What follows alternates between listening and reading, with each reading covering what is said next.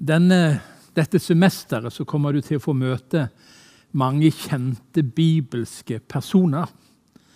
Mange av de som vi kanskje mest legger merke til, og som har fått et navn. Men denne søndagen så skal vi møte en person som på mange måter framstår litt annerledes, rett og slett en vanlig kristen. Og Vi skal i dag være i brevet som Paulus skrev til Filemon, som er det eneste brevet i Det nye testamentet som eh, er egentlig skrevet til en privatperson. Jeg vil tro at både Paulus og mange av de andre kristne lederne i urkirken skrev mange og personlige brev. Men det eneste som er kommet med i vår bibel i Det nye testamentet, er altså brevet til Filemon. Og Nå er det nok en liten fare når vi nå går gjennom et sånn bibelsk spennende persongalleri denne vinteren og våren, at mange av de vi underviser om og henter fram, framstår som helter. Kanskje nesten som uoppnåelige ideal, selv om Bibelen beskriver de med både feil og mangler og utfordringer, både med seier og nederlag, og er bånn ærlig, så kan de liksom bli noen personer som vi gjerne ser opp til, men som vi kanskje ikke kan gjenkjenne oss i i forhold til våre egne liv. Eh, Filemon er altså en slaveeier, og han er vertskap for menigheten. Ellers så står det i denne bibelutgaven at han er forholdsvis ukjent. Vi vet ikke så mye om denne personen som Paulus skriver til, selv om Paulus beskriver han med veldig varme og fine ord i dette brevet. Og Vi bare tar med oss noen av disse personene som vi møter i Filemon, i brevet til Filemon. Vi møter Appia, vi møter Arkippos, og vi møter Onesimos. Eh, Appia var kanskje konen. Det står ikke uttrykkelig eh, til Filemon. Arkippos, kanskje sønnen. Han finner vi beskrevet i et annet av Paulus sine brev. Og Onesimus er den slaven som vi skal si litt om, som hadde rømt fra Filemon sitt hus, eh, og nå var blitt kjent med Paulus på forunderlig vis. Den teksten som vi skal lese, henter vi fra vers 4 i brevet til Filemon. Jeg takker alltid min Gud når jeg tenker på deg i mine bønner. For jeg hører om kjærligheten du har til alle de hellige, om din tro på Herren Jesus. Jeg ber om at den tro du har felles med oss, må være virksom og gi deg større innsikt i alt det gode vi har i Kristus. Din kjærlighet har vært til stor glede og oppmuntring for meg. For takket være deg, bror, er de hellige ved godt mot. En nydelig beskrivelse av et vanlig kristent menneske i urkirken. En som ikke vi vet så mye om som mange av de andre personene. En som kanskje vi kan gjenkjenne oss i. La oss prøve å se litt på det. Men det begynner med et sånt 'likevel'. Det er noe vi ikke leste her, som kommer litt seinere i teksten som vi må innom. For der står noe om en slave i, i dette brevet. Og jeg ber deg for Onesimos, barnet som jeg har fått mens jeg sitter her i lenka, skriver Paulus. Altså, eh, Filemon hadde en slave. Han hadde sikkert flere. Men en av de rømte. Og på forunderlig vis så endte han opp i nærheten av Paulus. Og under, i møte med Paulus og hans forkynnelse og, og formidling så skjedde det noe med Onesimos. Han, eh, si, Paulus omtaler han som sitt barn. Det ble en personlig relasjon, og Onesimos kom til en levende tro på Jesus. Og Nå vet vi fra samtiden at dette med slaver og behandling av slaver var krevende. Slavene hadde ingen rettigheter. Eh, slaveeieren kunne behandle dem omtrent som de ville. og Det står utrolig dramatiske beskrivelser fra samtiden, hvordan mange behandla slavene. Og det var titalls av millioner av slaver i Romerriket. Og det er ikke rart at vi leser om slaveopprør, fordi de ble behandla så umenneskelig. Og det er en del som har lurt på hvorfor Paulus når han skriver dette brevet, ikke tar et sånn klart oppgjør med slaveriet. Nå vet vi det fra nyere historie at det var kristne i England som gikk i spissen for opprøret mot det uverdige eh, slavetransporten fra Afrika over til den nye verden. Men det kunne gjerne stått noe mer konkret om det her i Bibelen. For det var jo ikke verdig den måten slaver ble behandla på. Men la oss ta med noe som gir oss et, en litt annet innfallsvinkel til denne utfordringen. Kanskje blir han tatt fra deg en stund for at du skal få beholde ham for evig. Ikke lenger som slave, men så mye mer som en elsket bror. Og da ser vi det at her skjer det et oppgjør på et annet plan. Eh, Paulus måtte ut ifra lovene og reglene i samtiden sende Onesimus tilbake igjen til hans eier. I dette tilfellet Filemon. Sånn var lovene og reglene, og Paulus kunne ikke bryte det. Men han sender han tilbake på en helt annen måte enn han tok imot han. Som en rømt slave, håpløs fortapt. Han sender han tilbake til sin venn Filemon. Ikke mer som en slave, bare, men som en elska bror. Og Så får vi et flott innblikk i hva Bibelen tenker om disse tingene. Og hør hva det står i Galaterbrevet. Her er ikke jøde eller greker. Her er ikke slave eller fri. Her er ikke mann eller kvinne. Dere er alle én i Kristus Jesus. Der er fremdeles slaver. Det er fremdeles jøder og grekere. Det er fremdeles menn og kvinner. Men i forholdet til Gud, i relasjonen til Gud, så er alle menneskelige skiller tatt bort. Det er ikke noe fortrinn å være jøde, det er ikke noe fortrinn å være mann. Det er ikke noe fortrinn å være rik. Det er ikke noen ulempe å være slave. I møte med evangeliet så er vi alle på like fot. I møte med nåden, i Guds kjærlighet, eh, så er vi skapt. Alle falt bort ifra Han. Alle elsker tilbake igjen til Han på samme måte. Og det er ingen verdiforskjell. Det er ingen av de tingene som i dåtidens samfunn skapte skiller, som lenger er med å, å skape disse skillene. Vi er alle alle én i Kristus Jesus. Like verdifulle, like umistelige. Og så skjedde det forunderlige i urkirken at slaver ble satt i ledende posisjoner over sine slaveeiere ut ifra nådegaver og den utrustning Gud hadde gitt dem etter de kom til tro på Han. Det ble snudd opp ned fullstendig på hodet. Og Bare i en liten sånn parentes der fins altså et brev fra en kjent kristen martyr, Ignatius, på vei til Roma for å bli henrettet. Og brevet er fremdeles tatt vare på. Der står det om Onesimus, som nå var biskop i Efesos.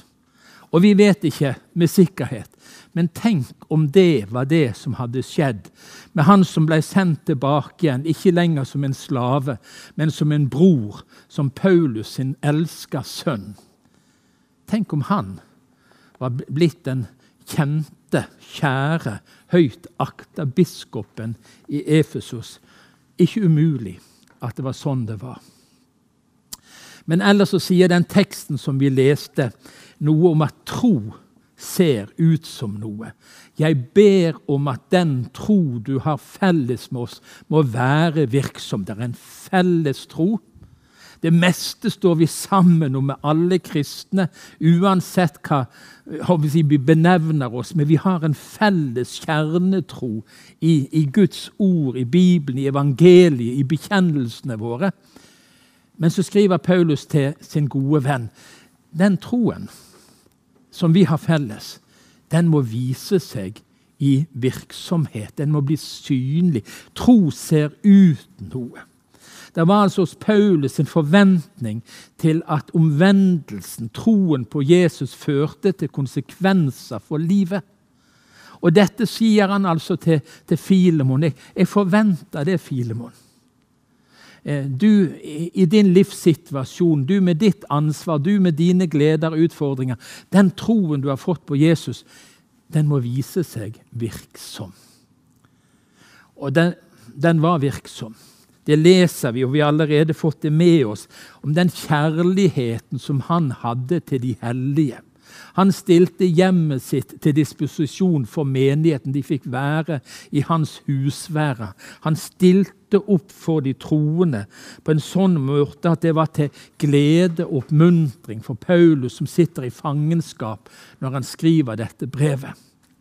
Og så forventer han et nytt forhold til denne slaven. Han som kanskje hadde stjålet av han, han som hadde forbrutt seg mot alle lovene som gjaldt. Men nå var han blitt en kristen. Nå hadde det skjedd noe nytt. Han var blitt en bror. Han var ikke lenger bare en slave. Og så forventer Paulus tydelig at når han sender han tilbake til Filemon, så vil han bli tatt imot på en annen måte. Ja, Det står så langt at hvis han skulle være skyldig i noe, så ville Paulus legge ut av egen lomme, sånn at det ikke skulle være noe som gjorde at Onesimos ikke ble tatt imot og tatt til nåde. Men han ble sendt tilbake igjen til Filemon. Og dette handler ikke bare om en historie.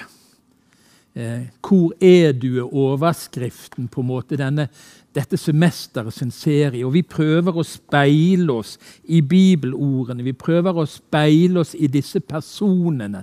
Vi prøver å spørre oss er det noe i mitt liv som jeg trenger å ta tak i. Hvordan ser troen ut i mitt liv? Hvordan ser han ut i ditt liv? På hvilke områder kan du si at troen på Jesus setter positive spor i ditt liv? Hvordan merkes det? Hvordan avsløres det?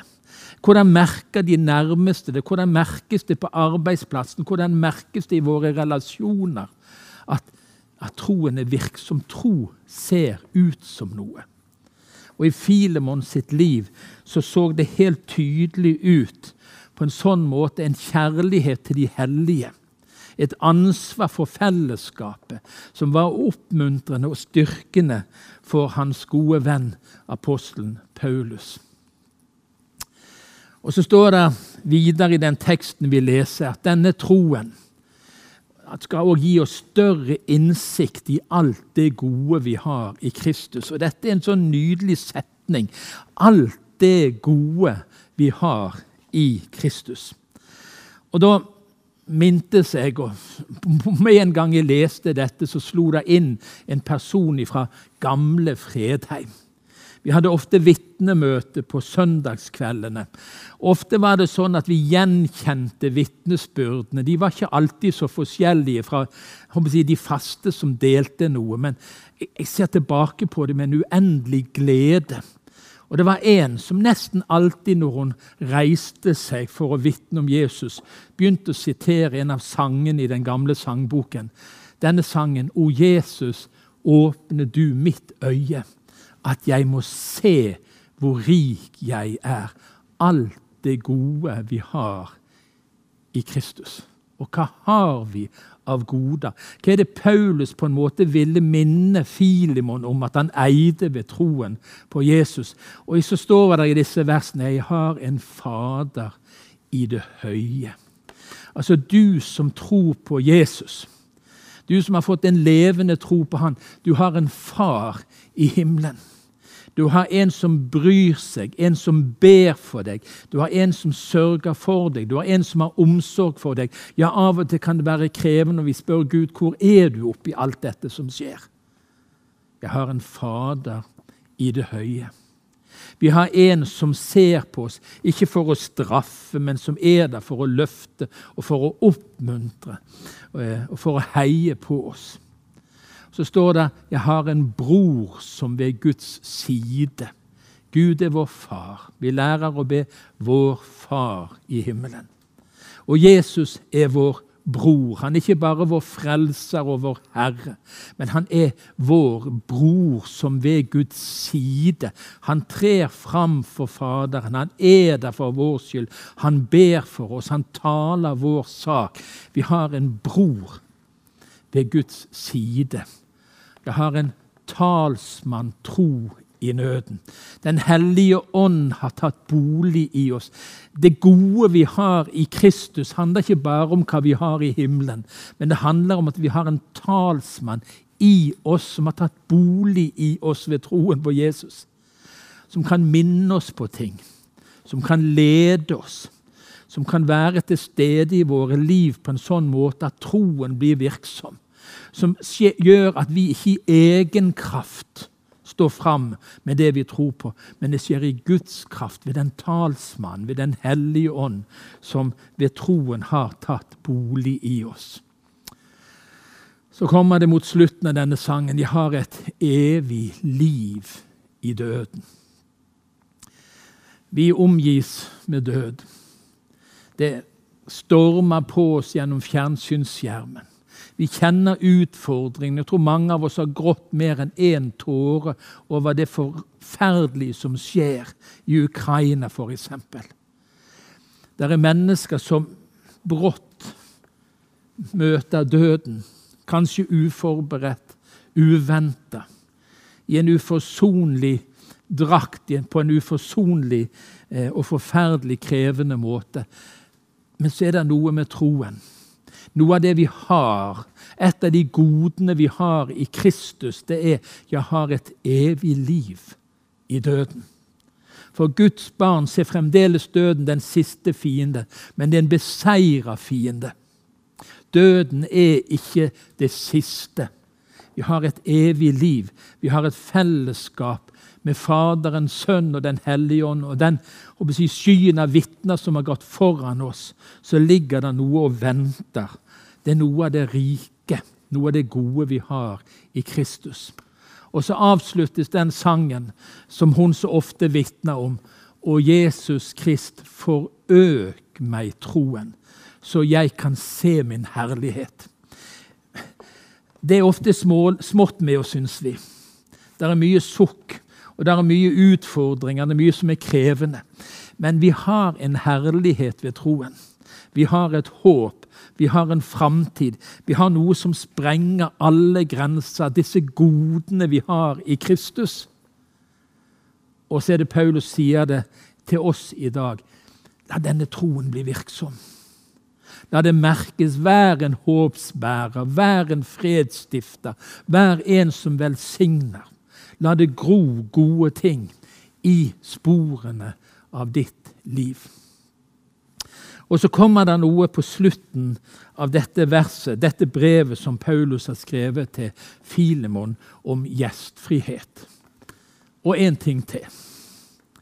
Gjør et gjesterom klart for meg. For jeg håper at jeg skal bli gitt til dere som svar på bønnene deres. Her kommer Paulus sin forventning og håp, optimisme. Jeg skal bli satt fri. Jeg skal få lov å se dere igjen, ikke bare i himmelen engang, men òg her nede. Og da, Filemon, må du gjøre klart et gjesterom til meg, sånn at jeg kan få være der og få kjenne på din gjestfrihet, din varme og din omsorg, som du har vist til så mange kristne som du forhåpentlig har vist til den hjemkomne Onesimus, den rømte slaven. Og Den håper Paulus han også skal få lov å merke, gjør klar et gjesterom. Og I antikken, i den tiden som vi her leser inn i og leser om, så var dette med gjestevennskap en sånn innarbeida praksis. Det var forventa. Det hørte med til kulturen og det vanlige. Og For de første kristne vet vi at dette hadde stor betydning. Gjestfriheten var en del av denne virksomheten i troen. Dette at de hadde fått lov å ta imot Jesus, Guds nåde, fått en Fader i det høye, en bror ved Guds side, en talsmann tro i nøden. Alt det rike, gode de hadde fått i Jesus. Det skapte en virksom tro som òg viste seg i gjestfrihet. Og Vi leser fra Hebreabrevet kapittel 13. Hold søskenkjærligheten levende. Glem ikke å være gjestfrie. For på den måten har noen hatt engler som gjester uten å vite det. Husk på dem som sitter i fengsel, som om dere var lenket sammen med dem. Og husk på dem som blir mishandlet, som om det gjaldt deres egen kropp. Og Nå sprenges grensene for gjestfrihet, men det er det vi skal på en måte ta med oss. Gjestfrihet er én ting, men det er noe med en, en sånn kjærlighet, en oppmerksomhet, en innlevelse i brødre og søstres livsvilkår som er fanga, som opplever motstand, forfølgelse, som om det, vi var lenka sammen med dem. Og de som blir mishandla. Og i dag så mishandles mange troende rundt omkring i denne verden. Og det gjelder vår egen kropp. Men gjestfriheten skulle ikke glemmes. Og nå takker vi for at vi er kommet en periode i denne si, covid-vinteren vi har vært gjennom og fremdeles kjenner konsekvenser av. Der er ikke lenger noen begrensninger når det gjelder antall besøkende. Der vi de siste par årene har nesten sittet bak lukka dører. I perioder ikke blitt anbefalt å ha noen på besøk, og kanskje bare de aller, aller nærmeste i andre perioder. Så sier vi nå legg vind på gjestfrihet. Legg vind på gjestfrihet. La oss ha engler på besøk igjen. La troen som vi har felles, blir virksom. Og så får vi kanskje en ekstra utfordring akkurat i disse dagene. Og Derfor ble det litt spesielt for meg i landet her i brevet til Filemon. Vi lever i en tid hvor det er millioner på flukt. Millioner på flukt. Og mange tusener er allerede kommet og er på vei til Norge. Mange av dette er kristne brødre og søstre, andre fra andre religioner. Uansett så utfordres vi til å være gjestfrie. Gjør et gjesterom klart for meg. Og vi utfordres til å vise at den troen vi har felles, blir virksom i praksis. Og i dag er det dette som skal være hovedfokus. Kjærligheten, broderkjærligheten, søskenkjærligheten. Og i den søskenkjærligheten ikke bare åpne hjerter, men åpne dører. At gjestfriheten kunne komme tilbake igjen i våre fellesskap. Den som har gjort at vi har kjent kulde og avstand så lenge. At vi nå kan varme det opp igjen nære relasjoner, den gode samtalen. Et måltidsfellesskap som betyr så mye. La oss ta dette til oss. Gjør et gjesterom klart for meg, skal vi be. Gud, vi takker deg for dette enkle brevet til Filemon, for en vanlig hverdagskristen i urkirken. Takk for hans åpne hjem, hans hjerte for de troende.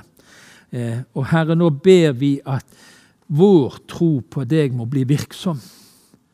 La oss få lov å se alt det gode som vi eier ved troen på Jesus, og at det ikke stopper der inne i oss, men det finner uttrykk i konkret handling til velsignelse for mennesker som trenger det. Og vi ber inn i denne tiden. Eh, Herre, La oss vise gjestfrihet mot de fremmede. De som kommer til oss fra andre land og andre kulturer. Herre, vi ber om at de må møte gjestfrihet, kjærlighet, vennlighet, omsorg. La åndens frukter være noe av det vi møter mennesker med, så vi kan få lov å gjøre deg, Jesus, synlig i vår tid. Amen.